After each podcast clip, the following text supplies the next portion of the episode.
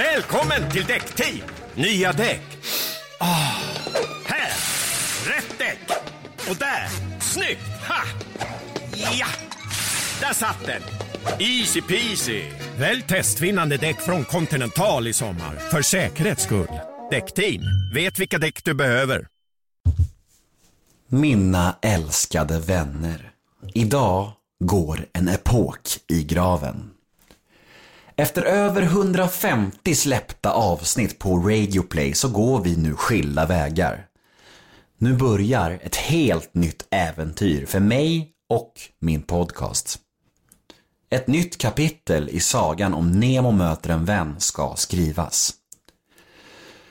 Från och med nästa vecka så kommer allt att vara annorlunda. Men eftersom att de sista detaljerna inte riktigt är spikade ännu så kan jag inte berätta allt nu, men jag råder er att hålla koll på mina sociala medier i veckan.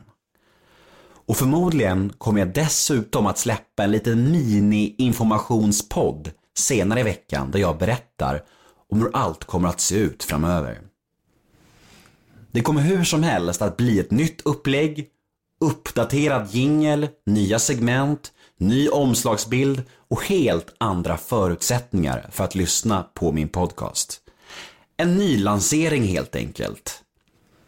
Giganten Marie Göransson gästar denna nypremiär nästa vecka och det hela känns läskigt och nervöst men framförallt väldigt, väldigt spännande. Och jag hoppas inligt av hela mitt hjärta att ni hänger med på detta. Men om vi ska återgå till dagens avsnitt då. Vem blir då den sista gästen hos Radioplay? Jo, det blir ingen mindre än Charlie Gustafsson som gästar detta avsnitt nummer 227. Charlie slog igenom med dunder och brak i den omåttligt populära serien Vår tid är nu och är en av våra mest hypade skådisar just nu. Till vardags lever han ihop med en gammal Nemo möter en vän bekanting faktiskt. Skådisen och artisten Amy Desismond. Och Charlie har även den goda smaken att vara Hammarbyare och allt detta kommer vi givetvis att prata om i dagens avsnitt. Jag heter Nemo Hedén på Instagram och finns på nemohedensgmail.com om ni vill nå mig. Och podden den klipps precis som vanligt av Daniel Eggemannen Ekberg. Och den presenteras idag för allra sista gången av Radioplay. Radioplay, tack för allt. Och nu kör vi igång dagens avsnitt. Nummer 227, gäst Charlie Gustafsson. Nemo är en kändis, den största som vi har. Nu ska han snacka med en kändis och göra honom glad. Yeah! Nemo är en kändis, den största som vi har. Nu ska han snacka med en kändis och göra honom glad. Yeah! Ja, vi kör igång. Nu åker vi. Nemo möter en vän med Charlie Gustafsson. Hej! Hej. Hej! Hej. Hej! Hur eh, mår du idag? Eh, jag mår bra idag. Det är ju liksom, eh, det är sol och, och vår helt plötsligt. Eh, mitt i den här. Så att det, det är väldigt eh, härligt. Och så har jag precis haft en rep, eller eh, premiärvecka på teatern. Så att jag är ledig nu de här dagarna. Vilket är liksom så här, efter en ganska tuff men väldigt rolig repperiod. Så att då, eh, ja, jag mår lite så här, eh, lite tomt liksom efter den här premiärveckan. Men ändå, men jag mår bra. Ja. Hur gick premiären? B- Bra tycker jag. Men det är, ja, jobbigt när jag tycker genrepet liksom, för min egen del. Men det där är så små marginaler. Men jag tyckte jag själv liksom var väldigt där på genrepet och då kändes det väldigt.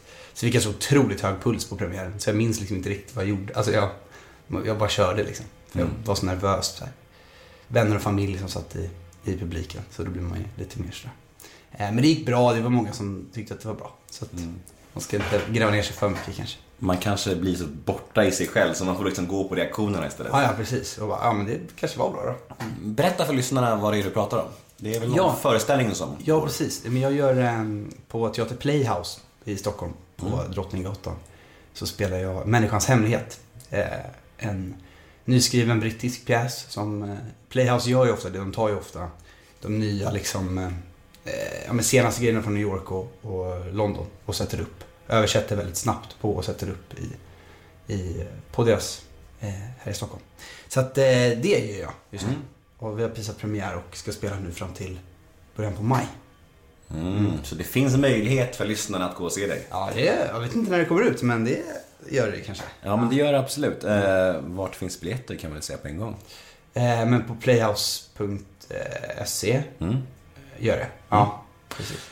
Grymt. Eh, Du är ju, lik som jag, eh, lite mer trygg på den södra delen av Stockholm. Det stämmer, det stämmer bra. Ja. Har du varit så här långt ut i västerort någon gång? Absolut. Men jag hade mycket polare här när jag gick på, um, när jag gick nian.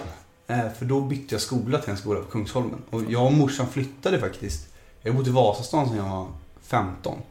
Så att det är inte så... Alltså jag bodde ju i Enskede fram tills jag var 15. Mm. Och då flyttade vi till Vasastan. Och sen flyttade jag till Söder nu. Men, eh, nej, så att, jo men det, vi var här en hel del. Mm. Eh, mycket i Vällingby var vi. Mm. Mm. Det här är ännu längre ut. Nej, på stationen till. Ja. Förutom, eh, förutom Playhouse-premiären, vad, vad händer nu om dagarna liksom? Eh, nej, men inte så mycket. Nej. just nu. Alltså det är det, man kommer precis från att man har repat varje dag liksom. Mm. 9 till, ja, 9 till 5 eller 9 till 4 liksom. Men är du bra Så- på att hantera den här tomheten? Förlåt att jag avbryter dig, men du, jag skulle fråga dig förut men jag glömde bort frågan. Det här med att när man har gjort, repat för någonting länge och det blir så, premiären har varit och då blir det en del ledig tid. Är du bra på att göra ingenting? Ja och nej.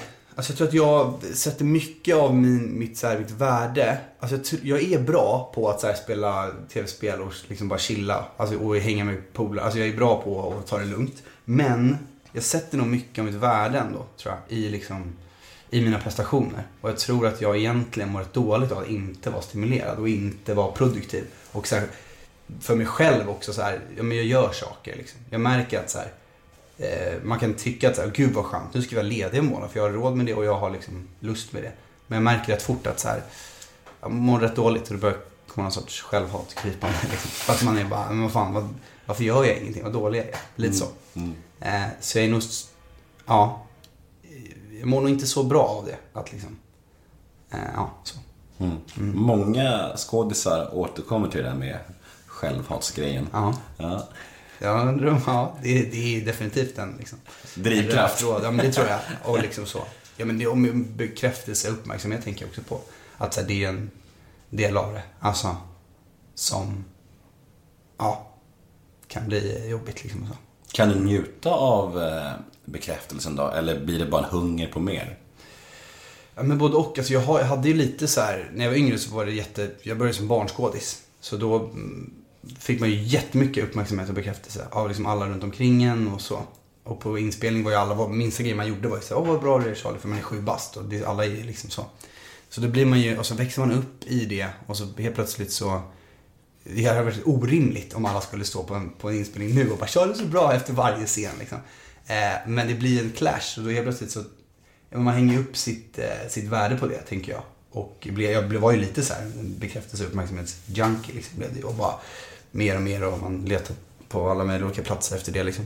Men eh, eh, ja, min regissör nu på teatern sa något bra tyckte jag som var fint. Som var så här. They're never as bad as they say you are. But you're never as good either. Alltså det är så här, du är inte så bra, du är aldrig så bra som de säger, du är aldrig så dålig som de säger. Man måste hitta det här, liksom, det egna liksom. Så. Det hade ju varit kul om du efter varje scen bara gick så här och sneglade mot alla som jobbade bara. Det var väl bra? Eller? Ja, exakt. Ja, men det, det finns ju faktiskt folk som är lite så, som är så här. Nej, Ja. det är så hemskt. Jag har hört, någon, jag vet inte vem det är, men det finns någon skådespelare som bara, bekräftelse, tack. Nej. Jo, och så bara, okej, och då du är så bra, du är så bra. Kanske, jag vet inte om den skådespelaren skämtar, men det är ju, ja, det finns. Det är säkert halvt på skoj, halvt på allvar tänker jag. Jag tror också det. Ja. För om man skämtar om det gång på gång på gång, då finns det ju ett allvar där. Mm. Men vi ser så. Fan vad jag vill veta vem det är. Ja, jag minns, ja. Jag vet inte vart jag har hört det, men jag tyckte det var väldigt roligt i alla fall. Jag tänker typ Dan Ekborg eller Ja, det kan, men det är säkert någon gammal. Jag tror att det är någon så gammal i gamet som säger med halvt ironi, halvt så här. Nu, men nu känner jag mig obekräftad och, så, då säger de det bara. Bekräftelse, tack. Väldigt kul. Eh, jag försökte göra lite research om dig innan idag och eh, det var ganska svårt och jag hittade inte ens vart och när du var född. Och, och då blev jag lite så här. Är det här på grund av att du är, håller dig tillbaka lite så här gällande intervjuer och sånt här? Eller är det på grund av att du har ett ganska sent genombrott? Tror du? Ehm, jag vet inte. Alltså typ vart jag är född och uppvuxen och så. Mm. Eh, men jag har gjort några intervjuer tror jag. När jag har liksom pratat om vart jag kommer ifrån. Mm. Men, eh, och så. Nej, jag, jag vet faktiskt inte vad det beror på. Vi ska döda mystiken Ja, exakt, nu ska vi döda mystiken. Bam. Ja. Ja, vi, vi, vi kan ta lite från början och... eh, Men vart är du född? Eh, jag är född på SÖS. Mm. Eh, och uppvuxen i Enskede. Så där är jag född och uppvuxen. Gammal. Fint alltså. Ja, det är fint, men vi bodde ju på, alltså vi bodde ju i lägenhet på Nynäsvägen. Om du vet, alltså den här långa vägen som går till hela vägen till Farsta. Min favoritpizzeria finns där. Det Tomatis? Ja. ja, men den kom ju när jag var liten. Liksom. Är det sant? Ja, det var ett typ Ica nära, alltså hem, matnära hette det när jag var liten. Och så kom det Tomatis. Alltså hur bra är den ja, pizzerian? vi var ju där hela tiden. Alltså jag kom, kom otrolig. Ja, men den är kvar. Ja, ja, ja. Ja, Och kul. ja, shit vad kul. Alltså varje gång jag kände att jag ska unna mig en bra pizza så åker jag dit. Shit, ja, men den måste ju funnits i 12 år. Mm. Var liksom, över 12 år. Ja. Så om någon från Tomatis hör det här, spons, spons. Sponsra Nemo. Tjock, vad tjock man skulle bli då. Ja, bara pizza hela. Frukost, lunch, middag. Inga pengar, bara pizza. Ja, perfekt. Men var det nära Tomatis? Ja, eh, det var ju på den vägen liksom. Mm. Fast längst, eh, längst bort. Vid korsningen Sockenvägen. Alltså när, ja, delar sig. Så där bodde Så det var ju inte, jag bodde ju inte i, några, liksom, i villaområdet. Så. Nej. Men jag bodde ju på den sidan. Men, eh, ja. Eh, ja, där är jag uppvuxen. Vad vet du om, eh, om din födelse? Jag vet att jag var väldigt sen eh, att komma ut. Vet jag, att mamma åkte pulka för att eh, få ut mig. Och jag vet att... Men, va? va, va? Ja. Pu- pulka? Ja, hon, det var visst en grej. Att så här, ja, jag var väl i, liksom, hon bara, men varför, varför kommer han aldrig? Och så åkte hon massa pulka. För det skulle man visst göra. Det låter ju egentligen lite farligt, tänker jag. Ja, men verkligen. Men det var en grej att, liksom, att man skulle... Det får mig att tänka på det här vänner-avsnittet när, när Rachel är gravid och, de ska få ut barnet och då provar de alla möjliga knep och då är det så här stark mat är ett knep och så här. Fast pulka är inte med. Nej, exakt. Nej, Jag aldrig det hört är det. inte. Nej, men det är ju alltså fysisk aktivitet tror jag generellt, har jag hört. Eller säger mamma att det sa de på. Här, men gör, gör något kul, åk och pulka och liksom. Så det gjorde hon för att försöka få ut mig. Eh, så det vet jag och sen så kom jag så småningom, eh, ja, det var, jag tror att det var ganska okomplicerad födsel liksom. Och så. Eh, ja, det vet jag om. Var du första barnet? Nej, jag är Nej. sist. Jag är liksom yngsta. Minsta syskonet. Hur många är ni? Tre. Tre. Vad var det för typ av familj du föddes in i? Jag föddes in i en, eh, jag tror ganska så här vanlig liksom. eh, Mamma jobbade med barn, eller var dagmamma när jag var liten. Och pappa jobbade på Globen. Eh, Som så här, ingenjör eller så här allt i allo snubbe liksom. Så att han, eh, ja, vi, eh, ganska vanlig. Fram tills att de skilde sig då. När jag var, när jag var sex. Då minns jag att jag kom in själv och sa att så här, nu får ni faktiskt, hallå, ni får faktiskt skilja er. För de bråkade och så sa att de, det är nog bättre om ni, för det var ju liksom inte heller, jag är född 92 och det var många i min klass som hade skilda föräldrar. Det var ju liksom ingen, jag, från äldre generationer så kan det ju vara att det var väldigt ovanligt och traumatiskt, själva skilsmässan och liksom att, in, att köra varannan vecka-grejen. Men jag var ju bara såhär, det, det, varför ska ni vara ihop när ni bara bråkar? Typ så. Eh, och då, eh, då förändrades det ju lite så. Men vi bodde kvar, alltså jag bodde mest hos mamma. Jag och min syrra, min brorsa är liksom 11 år äldre än mig. Så han var ju, han flyttade ut när han var liksom 18. Och så det var jag och min syrra och min mamma mest. när jag var liten. Vilken sund och rationell liksom bild av en separation en, för en sexåring liksom. Ja, alltså sen, ja, ja, jo men det var ju väl att jag bara, varför skulle inte, alltså jag, det bråka liksom. Du borde ha blivit knäckt tycker man ju. Ja, alltså inte själva, alltså skilsmässan tyckte inte jag var ju något jobbigt. Eller alltså skil, de var gifta, alltså, men deras separation, att de flyttade ifrån varandra där och då tyckte jag var så, ja, men det är väl det är lite kul att ha två hem också och sådär. Men sen så eh, är det klart att man liksom eh, på olika sätt har eh, drabbats av, inte drabbats av det, men att man, men det var ju väldigt bra att de eh, det var ju bra att de separerade. För att det är liksom nu idag, nu är de ganska bra kompisar. Och eh, liksom, pappa hjälper ju mamma med grejer och liksom så. Och Mm. vi kan ju umgås, alltså så här. Så att de är ju bra, det går ju bra nu. Men jag kan, kan inte liksom, kan inte riktigt se mig de vara ihop nu.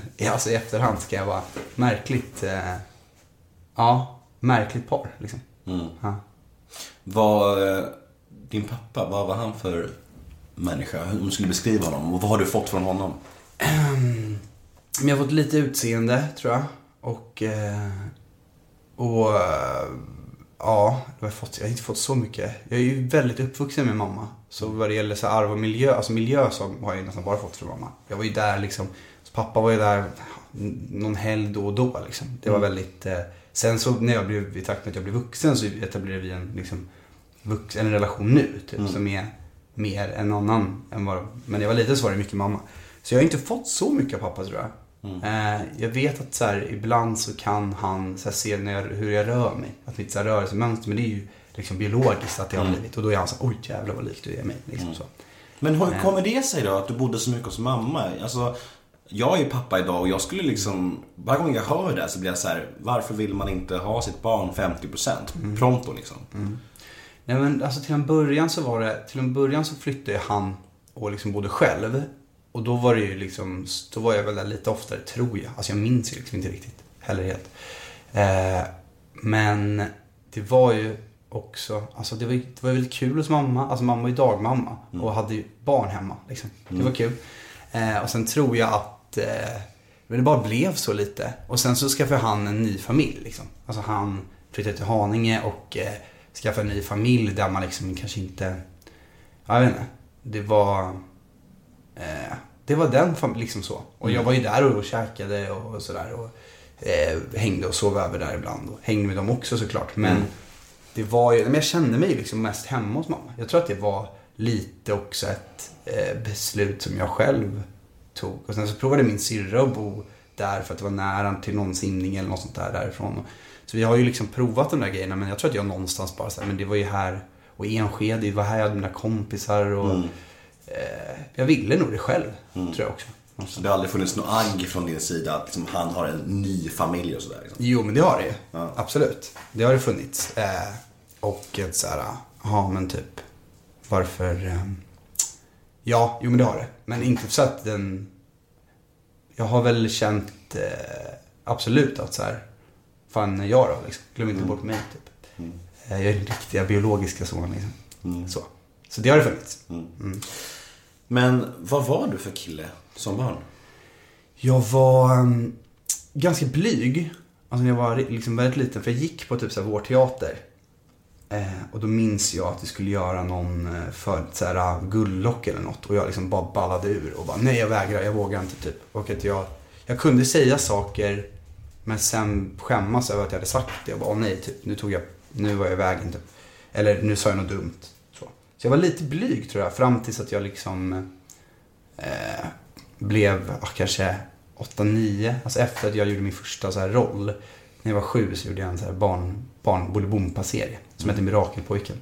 Och eh, efter den inspelningen tror jag att jag växte väl med något så självförtroende och liksom att så här, eh, Men så här, faktiskt lite tillbakadragen. Sen så i tonåren så var jag ju liksom och var inte alls det här. Alltså inte, ingen som någonsin har liksom känt mig under den tiden skulle beskriva mig som blyg. Utan hon var väldigt så här, social och outgoing och liksom lite... Bajen-huligan? Ja, fa- nästan. nej, jag har faktiskt ing- aldrig varit en Bajen-huligan. Du bara, oj oj, det var obehagligt spot on. här. Nej, faktiskt inte. Eh, jag var faktiskt aldrig det. Nej. Kunde ha blivit. Ja, kunde ha blivit. Absolut. Ja, ja. Det hade jag definitivt kunnat. Dörren dit stod öppen om man säger så. Det verkligen. Mm. Vidöppen. Så det var ju bara att kliva in där. Nej, men jag gjorde lite andra grejer. Alltså det blev som att så här, eh, ja, det blev inte riktigt aktuellt. Men jag var ju väldigt, eh, ja men all over the place liksom. När jag var, eh, ja men framförallt åttan, sjuan, åttan, eh, lite nian också. Mm. Och lite på gymnasiet så.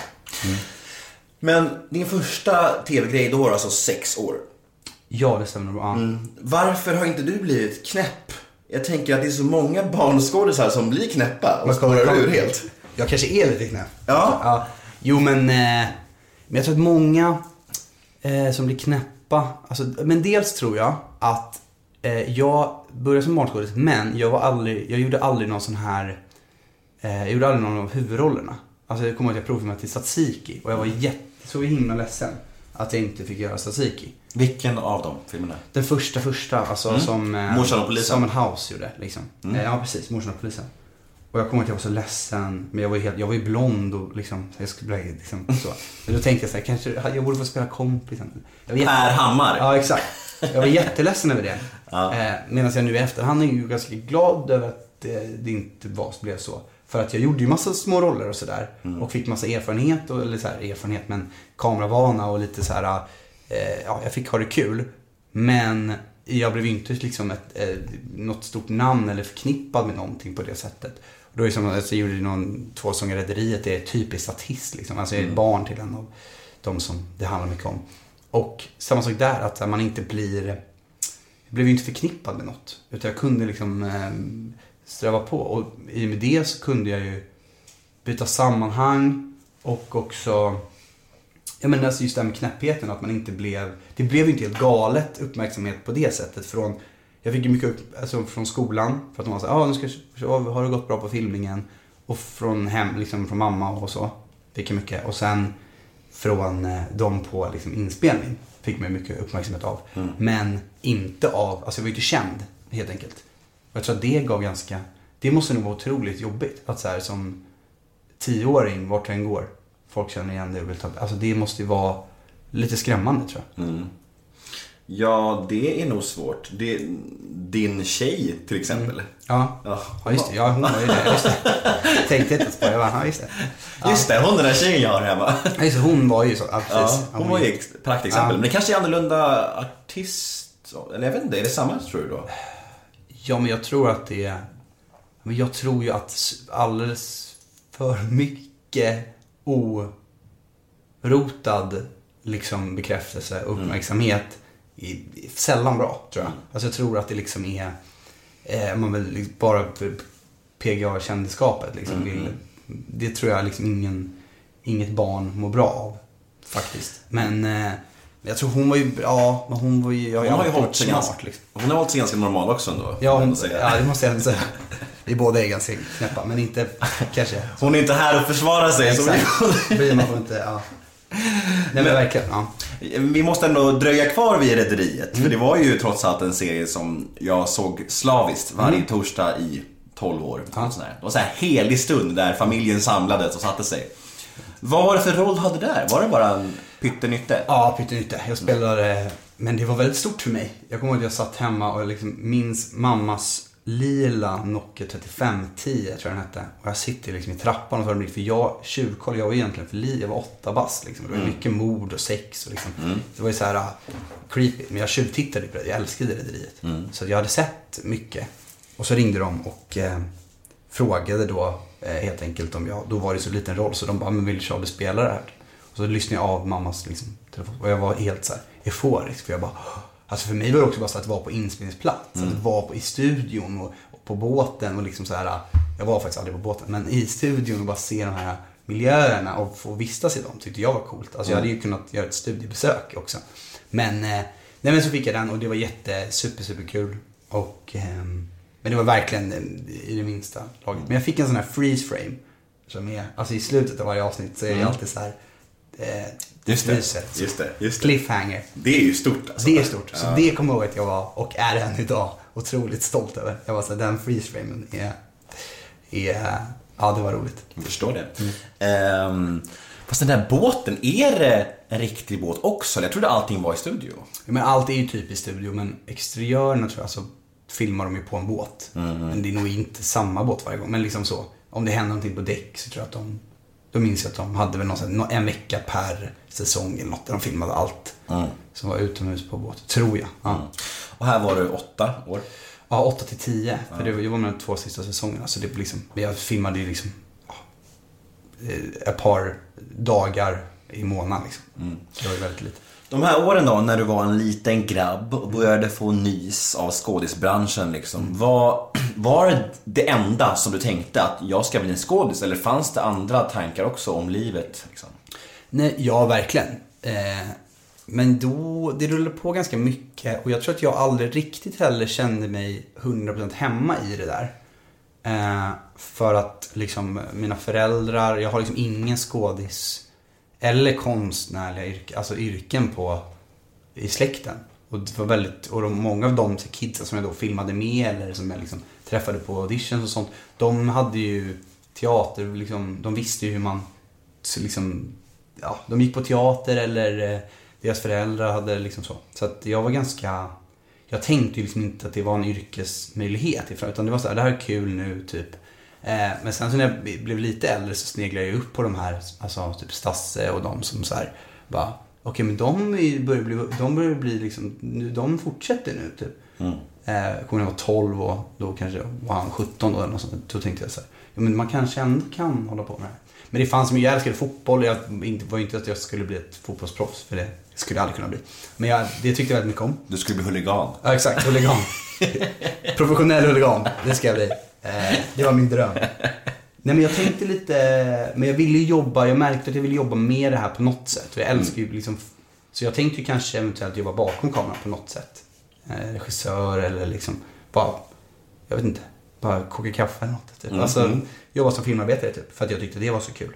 Eh, Ja, så, men då, så då när jag sökte gymnasiet så var jag ju helt, då var jag ju beredd på att inte göra det. Då sökte jag bara sam, sammedia på Riddarfjärden. Och då, så då hade jag bestämt mig för att inte göra det. Så. Men sen så filmade jag lite på gymnasiet och då fick jag så här, jo men nu, för då var det också, det är en otrolig skillnad på att vara barnskådis, eller för min del så handlar det liksom inte om att bygga en karaktär eller berätta en historia. Det var ju så här, okej nu ska du- det här är en situation då där du är lite ledsen, då ska jag spela ledsen. Alltså jag var ju väldigt eh, svartvit i mitt spel när jag var liten liksom. Inga nyanser överhuvudtaget. Eh, men sen på gymnasiet fick jag ju filma grejer där man också skulle forma en karaktär. Så då förstod man ju lite mer vad skådespeleriet skulle innebära. Och då blev jag ju sugen. Eller då var det så här, det här är ju min, det här är det jag verkligen, verkligen vill göra. Mm. Finns det något vägskäl där? Någon speciell roll där du liksom fick första gången där du fick liksom agera fram en karaktär? Mm. Jag gjorde en jätteliten roll i en film som hette I taket lyser stjärnorna. Som var en jätte, jättefin film. Men jag gjorde en pytteliten karaktär som liksom är där som ett, någon sorts liten comic relief i, i hela och liksom, eh, ja, eh, stöter på huvudkaraktären och sådär. Men även fast det var en så liten roll så var regissören Lisa Sive så himla så här. Men det är viktigt för mig att han är så här och att det inte får bli det här och vad tänker du? Det var ju liksom det här pratet som man nu har liksom hela tiden. Men jag var väl 15 eller 16 tror jag. Och då, ja, eller om jag, ja 16 var jag. Och ja, men med det så tror jag att det var den rollen som gjorde att jag sa, ah, okej, och det kan vara det här. Plus att jag kände väl någonstans att men jag behärskar ändå det här. Alltså jag är inte, det här är lite min arena kändes det som. Jag kände mig hemma på inspelning fast jag inte hade filmat något på typ fyra år. Så kände jag mig så här, men det här och det här kan jag liksom på något sätt. Eh, jag känner mig trygg i det, typ så. Och så då, den rollen, när jag gjorde den filmen så tror jag att jag insåg att så här, det här är ändå det jag vill göra. Och hur många år var det härifrån fram till du sökte scenskolan? Jag har aldrig sökt scenskolan. Jo, jo, jo, jo, jag har sökt scenskolan en gång. Jo, det kom jag på. Jag bara, men jag har inte gått scenskolan. Nej, jag vet. Jag sa bara sökt. Ja, det gjorde Ja. du faktiskt. Ja. Eh, nej, men jag jag fick ju scenskolan... Eh, Det kanske är något du inte vill prata om för att du inte jo, jo, jo, men det är roligt. Det är roligt. Jag är ju Berätta historien då. Om scenskolan? Ja. Ja, men okej, vi kör. För jag Eh, tänker att så här, om man söker scenskolan och eh, vill bli skådis och inte kommer in, är inte det en jävla självförtroende-törn? Jo, om, jag tror om man känner att man själv var briljant. Eh, eller om man själv är så här, "Ah, men nu gjorde jag precis vad jag ville göra. Eh, sen är ju det där ett, det är till många del, stora delar ett lotteri alltså. Jag känner, jag har många kompisar som är väldigt, väldigt eh, bra skådespelare som inte har kommit in på scenskolan. Och det är liksom, det är ju lite så. Men jag åkte ut käpprätt i första, för, liksom första provet. Berätta, liksom- berätta, berätta. Ja, nej, men jag, ehm, jag hade precis eh, träffat Amy och så skulle jag, eh, jag ville verkligen, jag gillar Göteborg liksom. Så jag ville bo i Göteborg och eh, ville ju gå scenskolan. Jag hade gjort, alltså jag hade filmat lite på gymnasiet och lite efter och hade lite eventjobb och sånt. Men jag var såhär, men fan, man ska nog ändå, det är nog bra att söka scenskolan. Liksom. Så då, ja, när var det här? 2015 måste det varit på våren. För då, så jag var 23. Ja, jag skulle precis fylla 23 tror jag. Och då um, så åkte jag ner och så hade jag verkligen förberett mig. Jag gjorde, till andra provet hade jag förberett en egen text som jag gjorde på liksom, gymnasiet som jag var så här jättenöjd med. Och bara, det här, den här är bra, liksom, hoppas jag får göra den. Och så var det första och det var en från fyra roller söker en författare. Och så kom jag in där med alla här, de här teatervana som liksom stretchar och det är liksom, jag är en så nervös, så otroligt nervös stämning i rummet. Man blir helt sådär, man blir nästan drabbad av den själv. Men jag bara, men gud varför är alla så nervösa? Det är ju bara att liksom, vi ska ju bara upp där och liksom köra. Bara. Och jag hade liksom pluggat min text och jag hade tagit en nattbuss från Stockholm. Så jag satt och pluggade och, liksom så här, och hade övat. Jag hade ju inte övat med någon utan jag hade övat själv. Liksom. Men jag var så här, det här kommer jag vet, vet vad jag vill göra och jag vet vad jag vill säga med den här, den här gestaltningen. Liksom. Så jag var rätt, eh, rätt confident liksom. Och sen så håller alla på och stretchar och jag bara, men fan vad märkligt. Och sen så eh, ja, går man och så här, för att det är så himla många, så man går runt där och så går man och tar en kaffe och så kommer jag tillbaka och så är det min tur. Och då så visar hon mig, och jag är fortfarande helt lugn liksom, fram tills hon öppnar den här dörren. Och där sitter ju liksom så här fem pers. Och bara tittar och bara, hej, vad ska du göra? Och då drabbar liksom den här nervositeten mig eh, på ett sätt som liksom aldrig hänt. Och inte efter det heller. Och det är liksom att det är helt, hela jag blir helt varm och jag blir helt nästan lam liksom. Jag är så jävla, och det bara stiger mot huvudet och jag eh, minns inte ens vad jag gör. Man, det första man skulle göra är en sån här rörelse. Och då har jag ju liksom tänkt ut någon grej att jag står och röker. Eh, och blir liksom typ, eh, min, ciggen blir något så här en kärlekshistoria mellan mig och ciggen typ. Som var ganska bra tyckte jag, rörelsen. Men jag tror att jag bara stod och liksom så här rökte. Jag tror att det var det enda jag gjorde. Om jag inte minns helt. Och att jag liksom så här, okej det här gillar de inte. Då fimpade jag tror jag. Alltså det var jag tror. Och sen texten tror jag bara drog. Snabbt som fan. Bara rakt upp och ner. Bara läser texten liksom. Eh, och för att det var liksom, jag får nästan black typ. Så när jag kommer ut därifrån så är jag ganska så här, oj, typ, jag fuckade verkligen upp det här. Det här var inte bra gjort. Eh, så att eh, jag visste ju då någonstans att, jag tror att jag ringde min kompis också och sa, om jag går vidare till andra provet så vill jag inte, för då har de ingen smak, då har de ingen bra smak på den här skolan. Så att det gick verkligen, eh, ja, det gick inte så bra. Nej. Så. Och det var, Fan, ja men det, och det var lite, men i och med att eh, jag inte liksom kände att jag nailed it, då hade det varit väldigt tungt. Ja. För, så här, jag gick inte ens vidare till andra. Men jag gick ju sen till skolan och Say hello to a new era of mental health care. Cerebral is here to help you achieve your mental wellness goals with professional therapy and medication management support. 100% online. You'll experience the all new Cerebral Way, an innovative approach to mental wellness designed around you. You'll get a personalized treatment plan from a therapist, prescriber, or both in a safe and judgment free space. Your Cerebral therapist or prescriber will outline a customized plan with clear milestones along the way so you can get to feeling your best. With Cerebral, you're not alone in your mental health journey. We're here to empower you to live a fulfilling life. So take that first step towards a brighter future and sign up today at cerebral.com slash podcast and use code ACAST to get 15% off your first month. Offer only valid on monthly plans. Other exclusions may apply. Offer ends July 31st, 2024. See site for details. man var ju ändå så här. De kanske ändå såg någonting. De kanske såg att jag var nervös. Så det var ju ändå lite så här, fan, jo men jag visste det. Jag visste att jag inte skulle gå till andra men det hade varit kul ändå. Liksom. För det andra var ju så, då hade jag liksom fått få ut mig lite av nervositeten också. Mm. Ja men det är nästan som i sport. Man, är nästan, man får nästan hellre stryk än att förlora en jämn match Ja. ibland. Gud ja. Så är det ju, för då har man liksom inte ens varit där. Ja. Alltså det, ja. Nej, jag kan ändå känna igen det där. Tur att du fick din revansch då. då. Ja, nej, revansch, revansch. Men det som var kul var ju faktiskt att jag sen på hösten, för att jag sökte ju det också mycket för att så här, jag vill byta stad, jag vill bo i Göteborg. Alltså jag älskar Göteborg. Och det var fint att jag sen på hösten 2015 fick rollen i Vår tid är nu. Som var så här, du ska vara i Göteborg i, i minst, i alla fall två år liksom. Så det var kul att så här, få göra det. Eh, ja, jag kom, jag kom till Göteborg i alla fall. Fanns det någon del av dig som kände i och med den här succén med Vår tid är nu att du hoppades att någon i juryn har sett det? Oj, vet det, ja. Det har jag, det här är faktiskt genuint. Jag har faktiskt inte tänkt på det. Nej. Eh, när, nu när du sa det. Så det var intressant. Men det är klart jag hoppas att, jag hoppas att alla som har ratat, eller inte att de, ja, de har, nej men jag vet inte, jag är inte så styrd av det där. Faktiskt.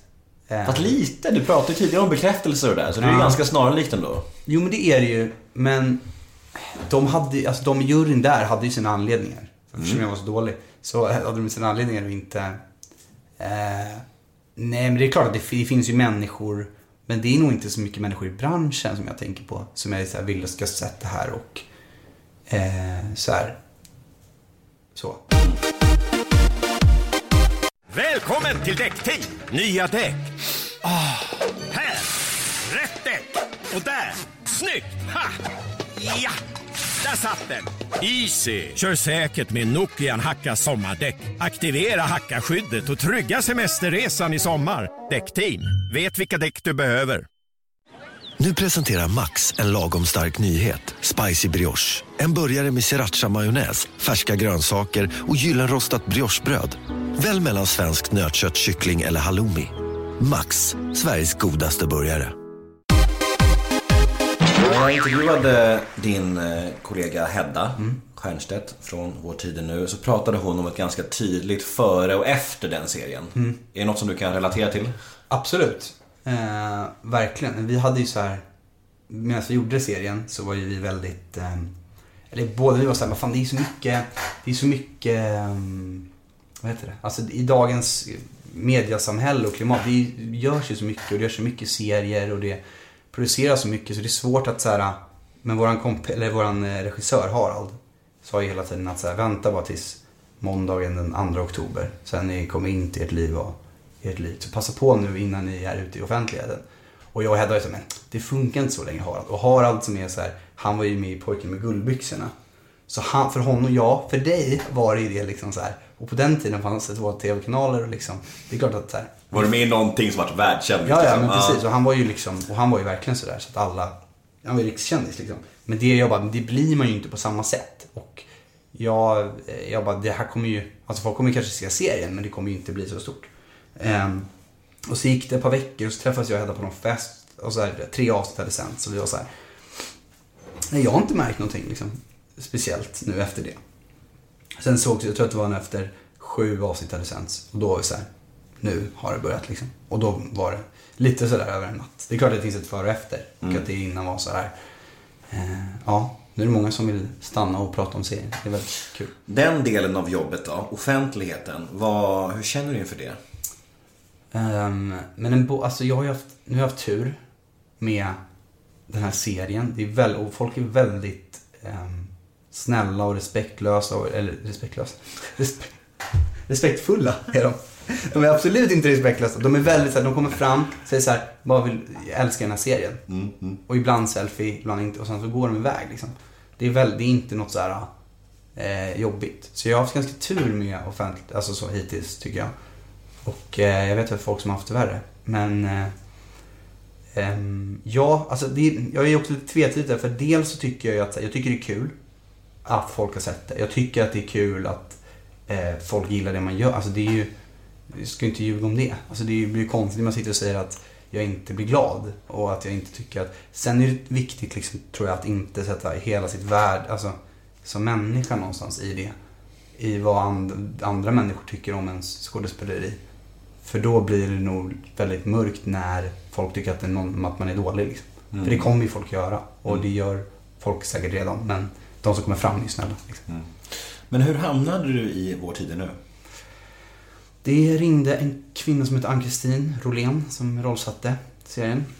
Som jag liksom aldrig hade träffat förut. Men hon har jobbat på SVT och, lite här, och som rollsättare hur länge som helst och är liksom eh, en legend. Men jag hade liksom aldrig... Hon ringde mig och sa, eh, frågade om jag ville provfilma för den här grejen. Och då var det väldigt så här, ja okej. Eller det var, ja men det är typ Tore, liksom, löst baserat på Tore Wretman. Typ. Jag bara okej, typ, alltså kock liksom.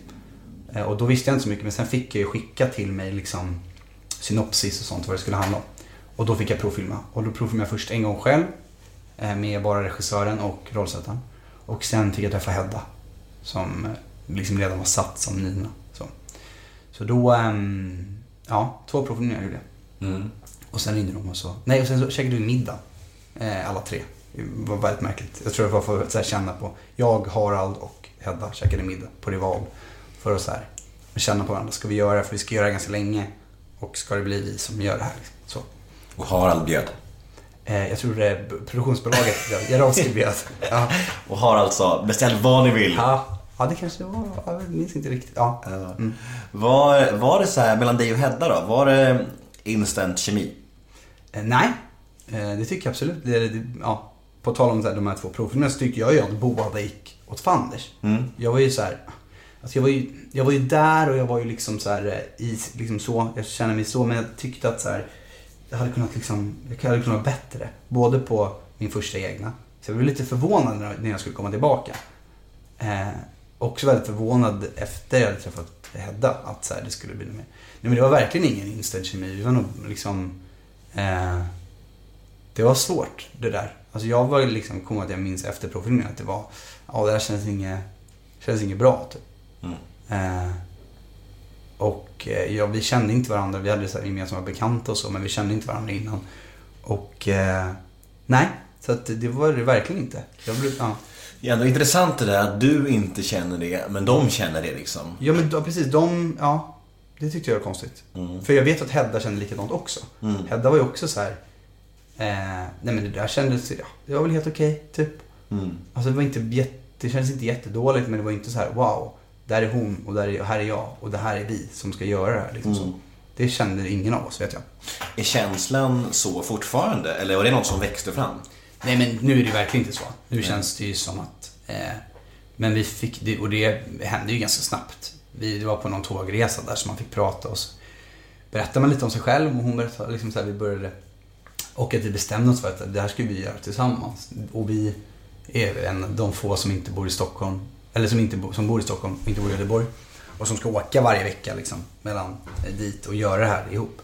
Så då började vi prata ihop oss och sen så på inspelningsplats så hände det liksom bara. Alltså vi båda var väldigt så här, otroligt ambitiösa också i det här och var så här, vill investera mycket av oss själva i det. Och där någonstans så blir man ju då, jag ska vara den liksom bästa Kalle som finns. Och då ligger det att, alltså om man anstränger sig också för att se varandra, då gör man ju det. Så. Eh, så där, vi hittade varandra där, ja, första inspelningsdagen tror jag. Liksom. Då, då bara så okej det här, det här kommer att flyga. Det känns ju som att Sveriges hela skådiselit är med i den serien. I princip. Alla är fan med. Ja. Det är ju många giganter. Vem tycker du var häftigast att spela med eller mot? Ehm, men jag är ju eh, lite Anna Bjälkerud som spelar eh, Etel i serien. Vi blev ju väldigt tajta och det var väldigt sådär... ehm, ja, men det blev... Eh, jag tycker hon är en otrolig skådespelare och jag tycker hon är liksom...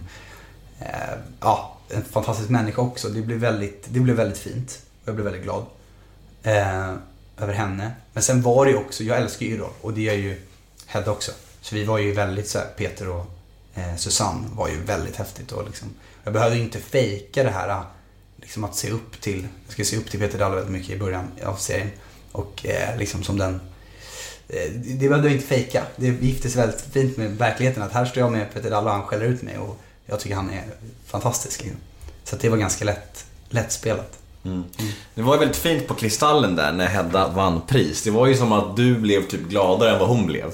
Ja, jag tror, ja. jo. Väldigt, det, det sa ganska mycket om eh, er relation, tänker jag. Att ni är rätt tajta och väldigt bra vänner liksom. Det var väldigt så här, man kunde se att din lycka var genuin. Och kunde man se en brinnande ilska att du inte vann pris. Ja, säger jag. jag nej då, nej men det, ja. Nej men det var ju, ja det var väldigt fint. Men det är ju, vi har gjort det tillsammans och vi, jag tror vi sa det till varandra innan också. Bara så här, vi tänkte ju också så här, det är, vi kommer, ingen av oss pratade vi om att så här, det här kommer ju säkert någon annan som i gammal gamet blir nominerad för. Liksom. Men jag tycker ju verkligen, jag tyckte det var så bra att hon blev det också. För hon förtjänar det till 100%. Och att man har gjort det tillsammans och man, jag har ju sett henne så kämpa och, och då är det så kul att hon liksom får ett pris för det. Att det var så här, bra jobbat typ. Så. Blir det fler säsonger?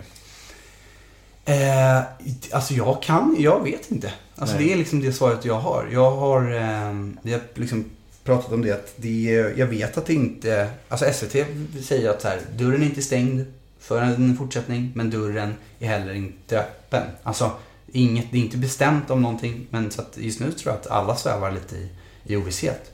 För, eh, och sådär. Men sen ska ju det, det ska ju klaffa också med allas, liksom, om man nu ska fortsätta. Och om hela ensemblen ska vara med eller om man går vidare och släpper vissa av oss som har varit med de tre första säsongerna. Så, så jag vet inte exakt eh, hur det ska se ut. Men jag vet ju att de...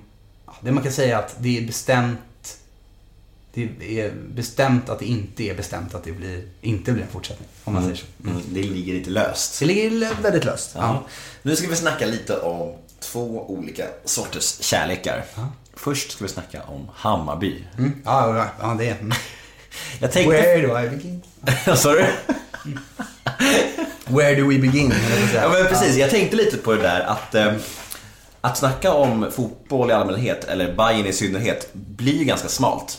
Alltså för lyssnarna. Mm. Folk kommer säga så här, vissa kommer vara åh vad intressant. Men du och jag älskar ju Bayern. Mm. Det gör vi. Och det ligger oss varmt om hjärtat. Det, så är det. Så vi måste ju snacka lite om Det, det. vi måste snacka lite om Bayern. Ja. Men jag kan tycka att det finns ett stort intresse från folk som inte liksom är supportrar eller liksom så här.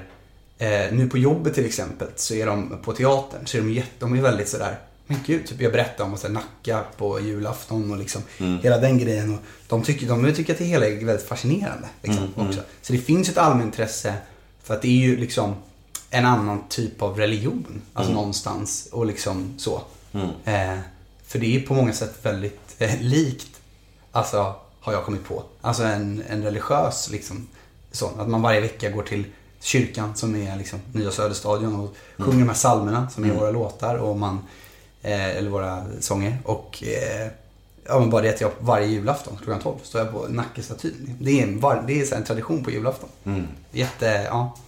Sen tror jag att det finns ett värde också i att lyssna på människor som är passionerade, snacka om saker. Mm. Det fick jag höra efter den här episoden jag släppte med komikern Anders Jansson. Mm. Hipp hipp du vet. Eh, Vi pratade om innebandy och vår passion till det. Ja, ni båda, ja. Ja, Och så är nördar liksom. Och även om folk inte var intresserade av det så var det många som sa att det var skitkul att höra er hur jävla taggade och glada ni var när ni snackade om det. Ja, Men eh, din, eh, jag antar att eh, din kärlek till Bayern grundas i att du är född i Enskede. ja, det, ja delvis. Jag fick, min brorsa är faktiskt stenhård aik min storebror. Oj, Ja, alltså- vilket misslyckande. Ja, otroligt misslyckande. Så han försökte ju dra med mig på Gnaget när jag var liksom så här liten. Och eh, Vilken tur att det ordnade sig. det ordnade ju upp sig. Det var ju väldigt skönt. Och sen så gick jag ju med pappa som är ba- bajare. Och han jobbade också på, eh, alltså jag gick ju på min första match när jag kanske var ett år. För att han jobbade där. På, Sö- alltså han jobbade på alla arenorna liksom. Så då fick ju vi friplåtar och det var någon så här, alltså han, jag var ju med som liksom, och det var ju någonstans, men jag fick ju ändå ett val där någonstans. För brorsan envisades ju med att så här, nu ska vi gå på, kommer att jag, jag var på en match när jag kanske var sex år. På typ AIK Malmö. Och jag vet att Zlatan spelade då. Så det måste varit när. Ja. Eh, så. så att jag fick ju ändå någonstans ett val. Och jag valde liksom det. Sen var det, ja, men det, det var ju helt enkelt mycket mysigare. Och mycket bättre. Och jag var så här, Peter, Peter Martinsson. Det är, Alltså jag blev så liksom kär i honom och hela den grejen. Så att, eh, ja. Jag måste skryta lite nu. Mm. Eh, min första flickvän var ju Lasse Erikssons dotter. Är det sant? Helt sant! Oj, oj, oj. Så jag var ju liksom i den där svängen där. Oh, det var fantastiskt. Ja. Och eh, jag kommer ihåg det så väl att när jag fyllde typ så här, jag tror jag fyllde 11 år och då fick jag hänga med till en bayern träning och ta med kompisar och slå straffar på Lasse. Är det sant? Ken, Ken när du stod fy där. det var sjukt Wow, alltså. ja. Verkligen. St- Stort för oss. Ja, otroligt stort. Men, men har du alltid kört säsongskort eller hur, hur passionerad är du?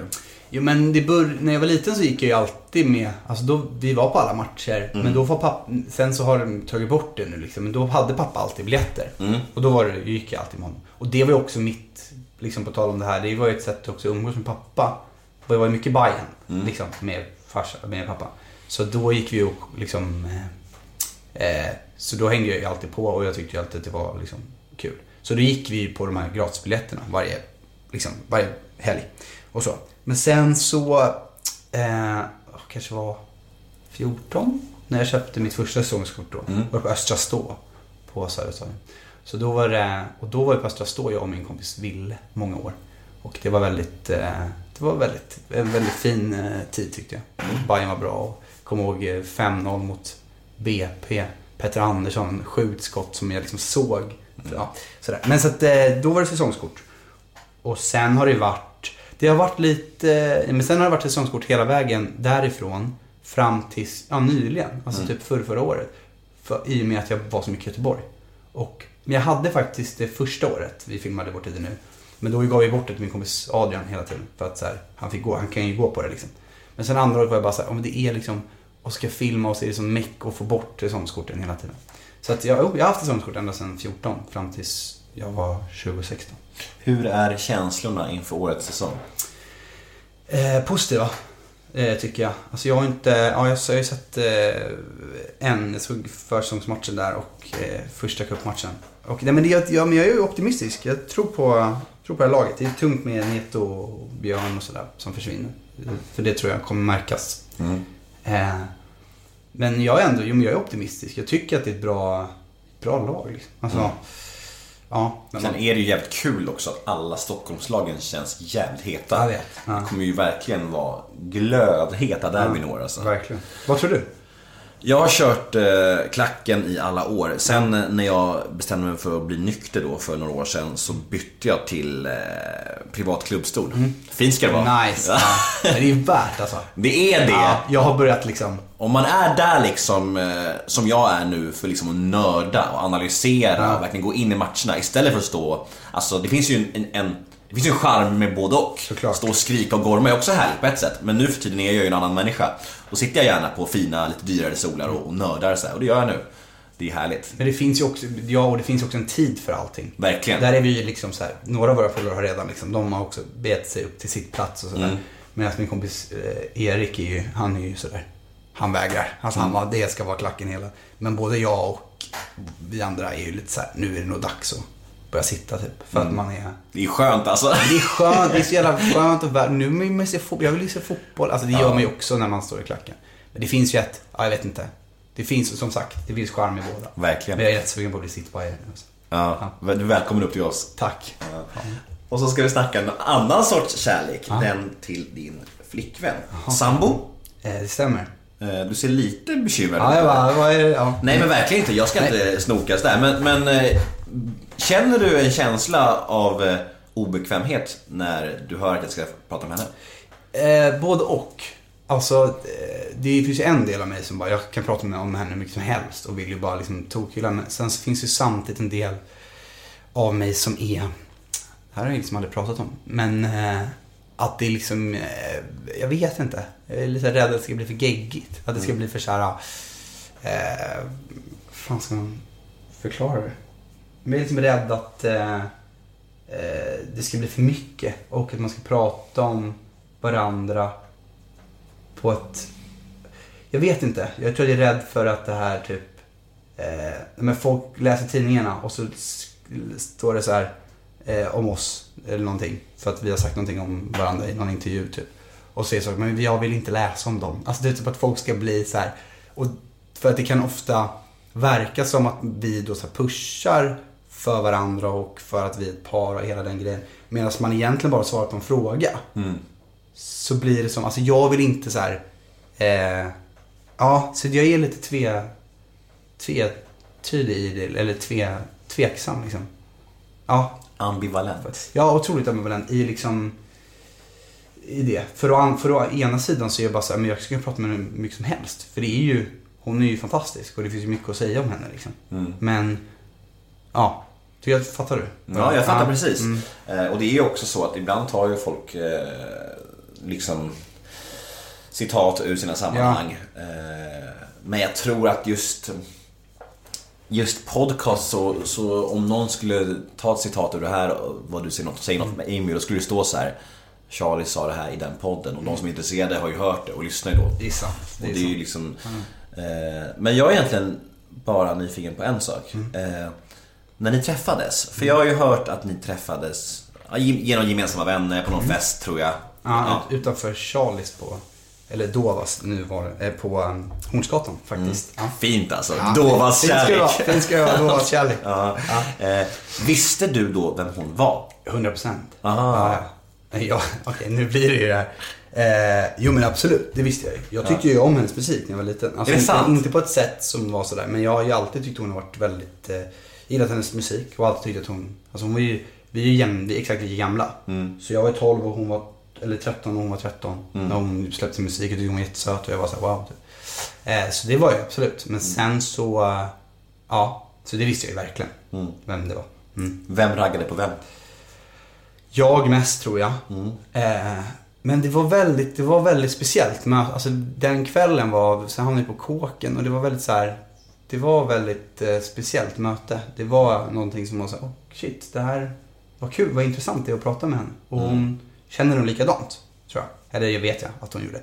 Så det var ett ganska sådär, eh, inte kanske kärlek i första ögonkastet, men kanske i första samtalet som var så här, ja, vi blev väldigt nyfikna på varandra direkt. Liksom.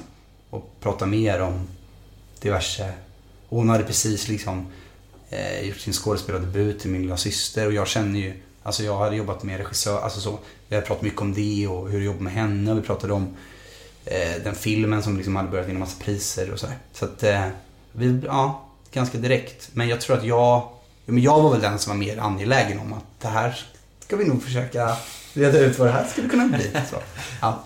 Men det är intressant det där när man träffar någon som eh, det klickar med direkt och man känner, och det är också ömsesidigt från båda hållen. Det känns nästan som att det är en del tur inblandat. Förstår du? Såklart. Att det finns människor där ute som man klickar med så, man måste liksom springa in i dem. ja. Tillfälligheter. Ja men absolut tillfälligheter och liksom Det är klart att det är det. Jag tror ju på det. Jag tror ju på tur och tillfälligheter också. Sen, ja. Så man ska egentligen bara gå ut och snacka med så många tjejer. Jajamän. Jajamän, var prata. Prata på. Prata med alla. Då kommer du träffa din Amy till slut. Man vet aldrig. Ja, det finns hopp för mig också alltså. Det ja, det är klart det. På, på Bayern-matchen tänker jag. Den här säsongen, ja. Ja, men en Bajen-tjej. Det hade ju varit ja. Jag fantastiskt. försöker mig men det går, alltså hon är ju... Jo, hon har gått på matcher. Eh, tycker att det är kul för att när det går bra för Bayern för hon blir glad för min skull. Men eh, hon, eh, ja, nej, nej, ja. Jag tror hon inte vill så här, li- jag tror inte hon vill så här lajva så här bayern tjej bara för att göra mig glad. Alltså så här, och det tycker jag är nice. Alltså hon är så här, ja, vann Bayern, vad för kul, typ. Alltså så. Som en mamma typ. Ja, men lite så, ja, men lite så. Och li, hon är lite mer så, ja, det tycker jag är rätt nice. Ja. Ja, jag fattar. Vi ska inte fråga så mycket mer om henne då. Nej, men det, ja. Ja, vi kan gå vidare till snabbfrågorna. Är du med? yes. Oj. Rött eller blått? Rött. Vem är din kändiscrush? Har du något kändisfrikort? Alltså, jag, det första jag fick i huvudet var ju Kennedy, men eh, det kanske blir komplicerat. Nej, men det, det allra första var ju Amy, liksom så. Ja. Eh, Fan vilken grej! Men nu blev vi- Man blir ihop ja. med sin kändiscrush. Ja, det är faktiskt. Ja. Ly- lyxigt. Ja, det är lyxigt. Det är Ja. väldigt lyxigt. Ja. När grät du senast? Eh, igår, tror jag. Mm, Varför? igår. Kolla på RuPaul's Drag Race. Har du sett det? Nej. Otroligt eh, program. Mm. Det är alltså, eh, och en otroligt fin historia där. Men också har sett om hela, alla sånger av Girls. Så då har gråtit väldigt mycket. Mm. Ja.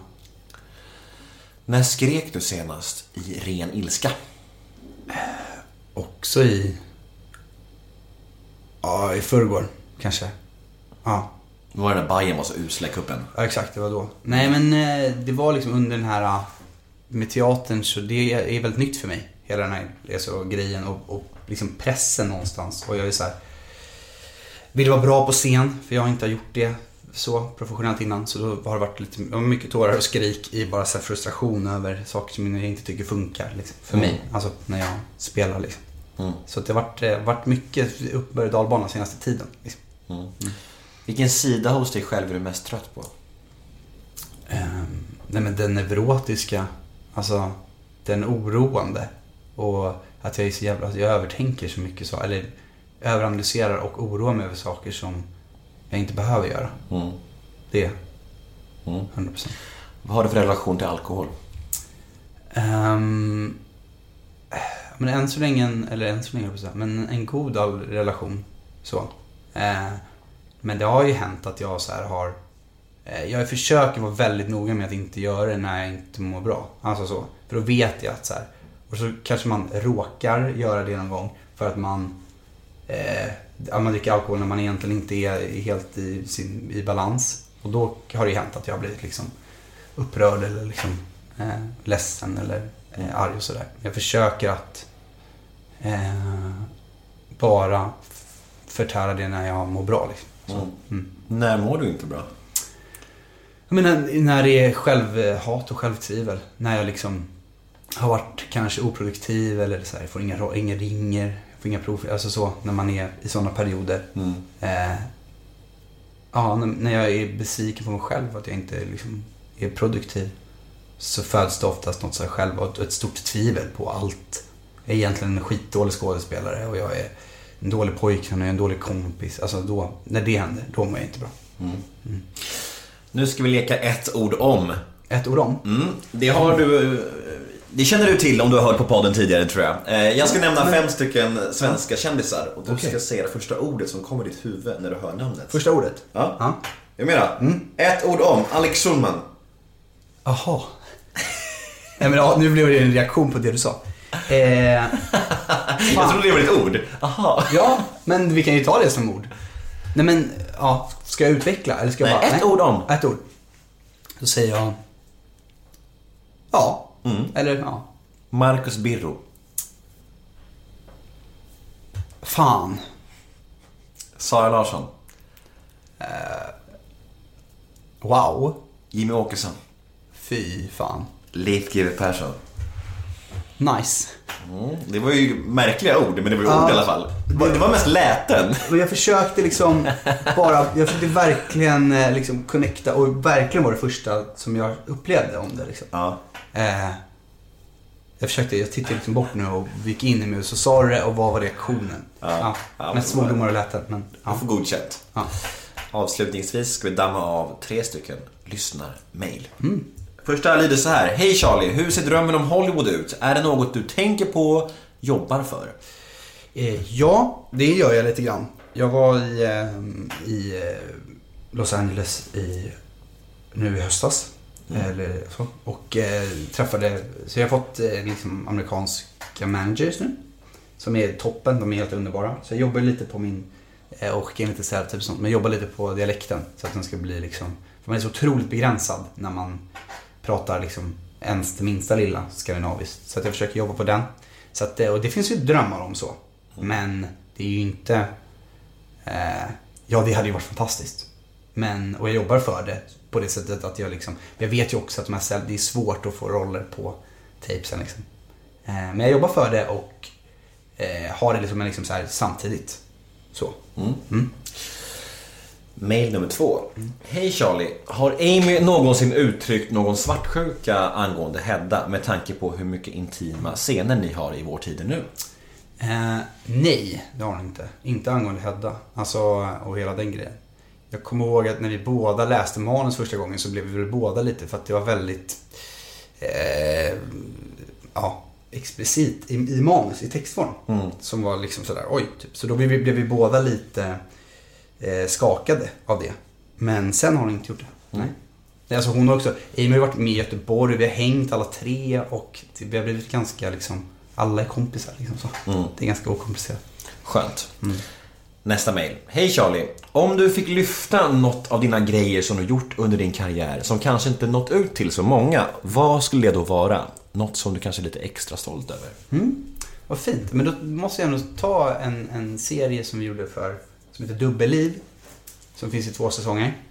Eh, som Sanna Länken som gjorde, min, min lilla syster, eh, har regisserat. En jättefin eh, ungdomsserie, barn och ungdomsserie. Eh, så har man liksom, men också för vuxna. Jag kommer ihåg att jag tyckte att första säsongen var jättebra. Och den är lite sådär, ja, jag är med i andra säsongen i alla fall. Och en otroligt fin serie, tycker jag. Eh, där jag också kände att jag var bra. Liksom. Eller att det var, det var en fin karaktär att få göra också. Bra. Vi börjar närma oss slutet. Ja. Ja. Hur ser det ut nu framöver? Vad, eh, du kör på Playhouse eh, och biljetter finns. Om, googla Playhouse. Ja, ja men precis. Jag tror att, jag tror att det är hemsidan är teaterplayhouse.se eller något sånt där. Men om man- du googlar människans hemlighet på Playhouse så kommer det komma upp biljetter. Annars då? Vad ligger i pipen? Drömmar, framtid härnäst? Nej men det är ganska, nu spelar vi det här och sen så är det ju mm, sådär som det är. Att man inte får eh, prata om vissa saker. Men, Alltid, alltid Ja. ni skådisar. Men det är också inte, det finns inte så mycket konkret just nu. Om jag ska vara helt ärlig. Det är lite sådär, ja, en grej som kanske blir av. En grej som antagligen inte blir av, men det finns ändå där i liksom 2020, våren där. Alltså så. Att det är, det ja. Det, vi får se, ja. det, är inte, det finns inte så himla mycket heller att ta i. Så att jag vet inte. Framtiden är väldigt oviss. Jag vet vad du kan se fram emot i alla fall. Ja. Och det är Bajenparaden. Det är det, snart. Och nu bor oj, nu höll jag på att säga exakt var du bor. Men eh, bor närheten av där paraden börjar. Så att, Ja, eh, det är ju fantastiskt. Grattis till det läget. Tack så mycket. Ja. Eh, Vi syns på Söder och vi syns i Bajenparaden. Det gör vi. Hej då! Hej då!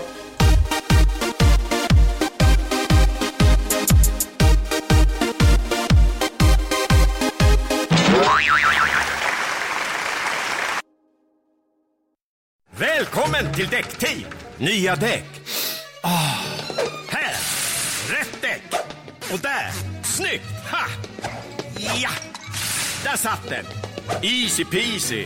Välj testvinnande däck från Continental i sommar. För säkerhets skull. Däckteam, vet vilka däck du behöver.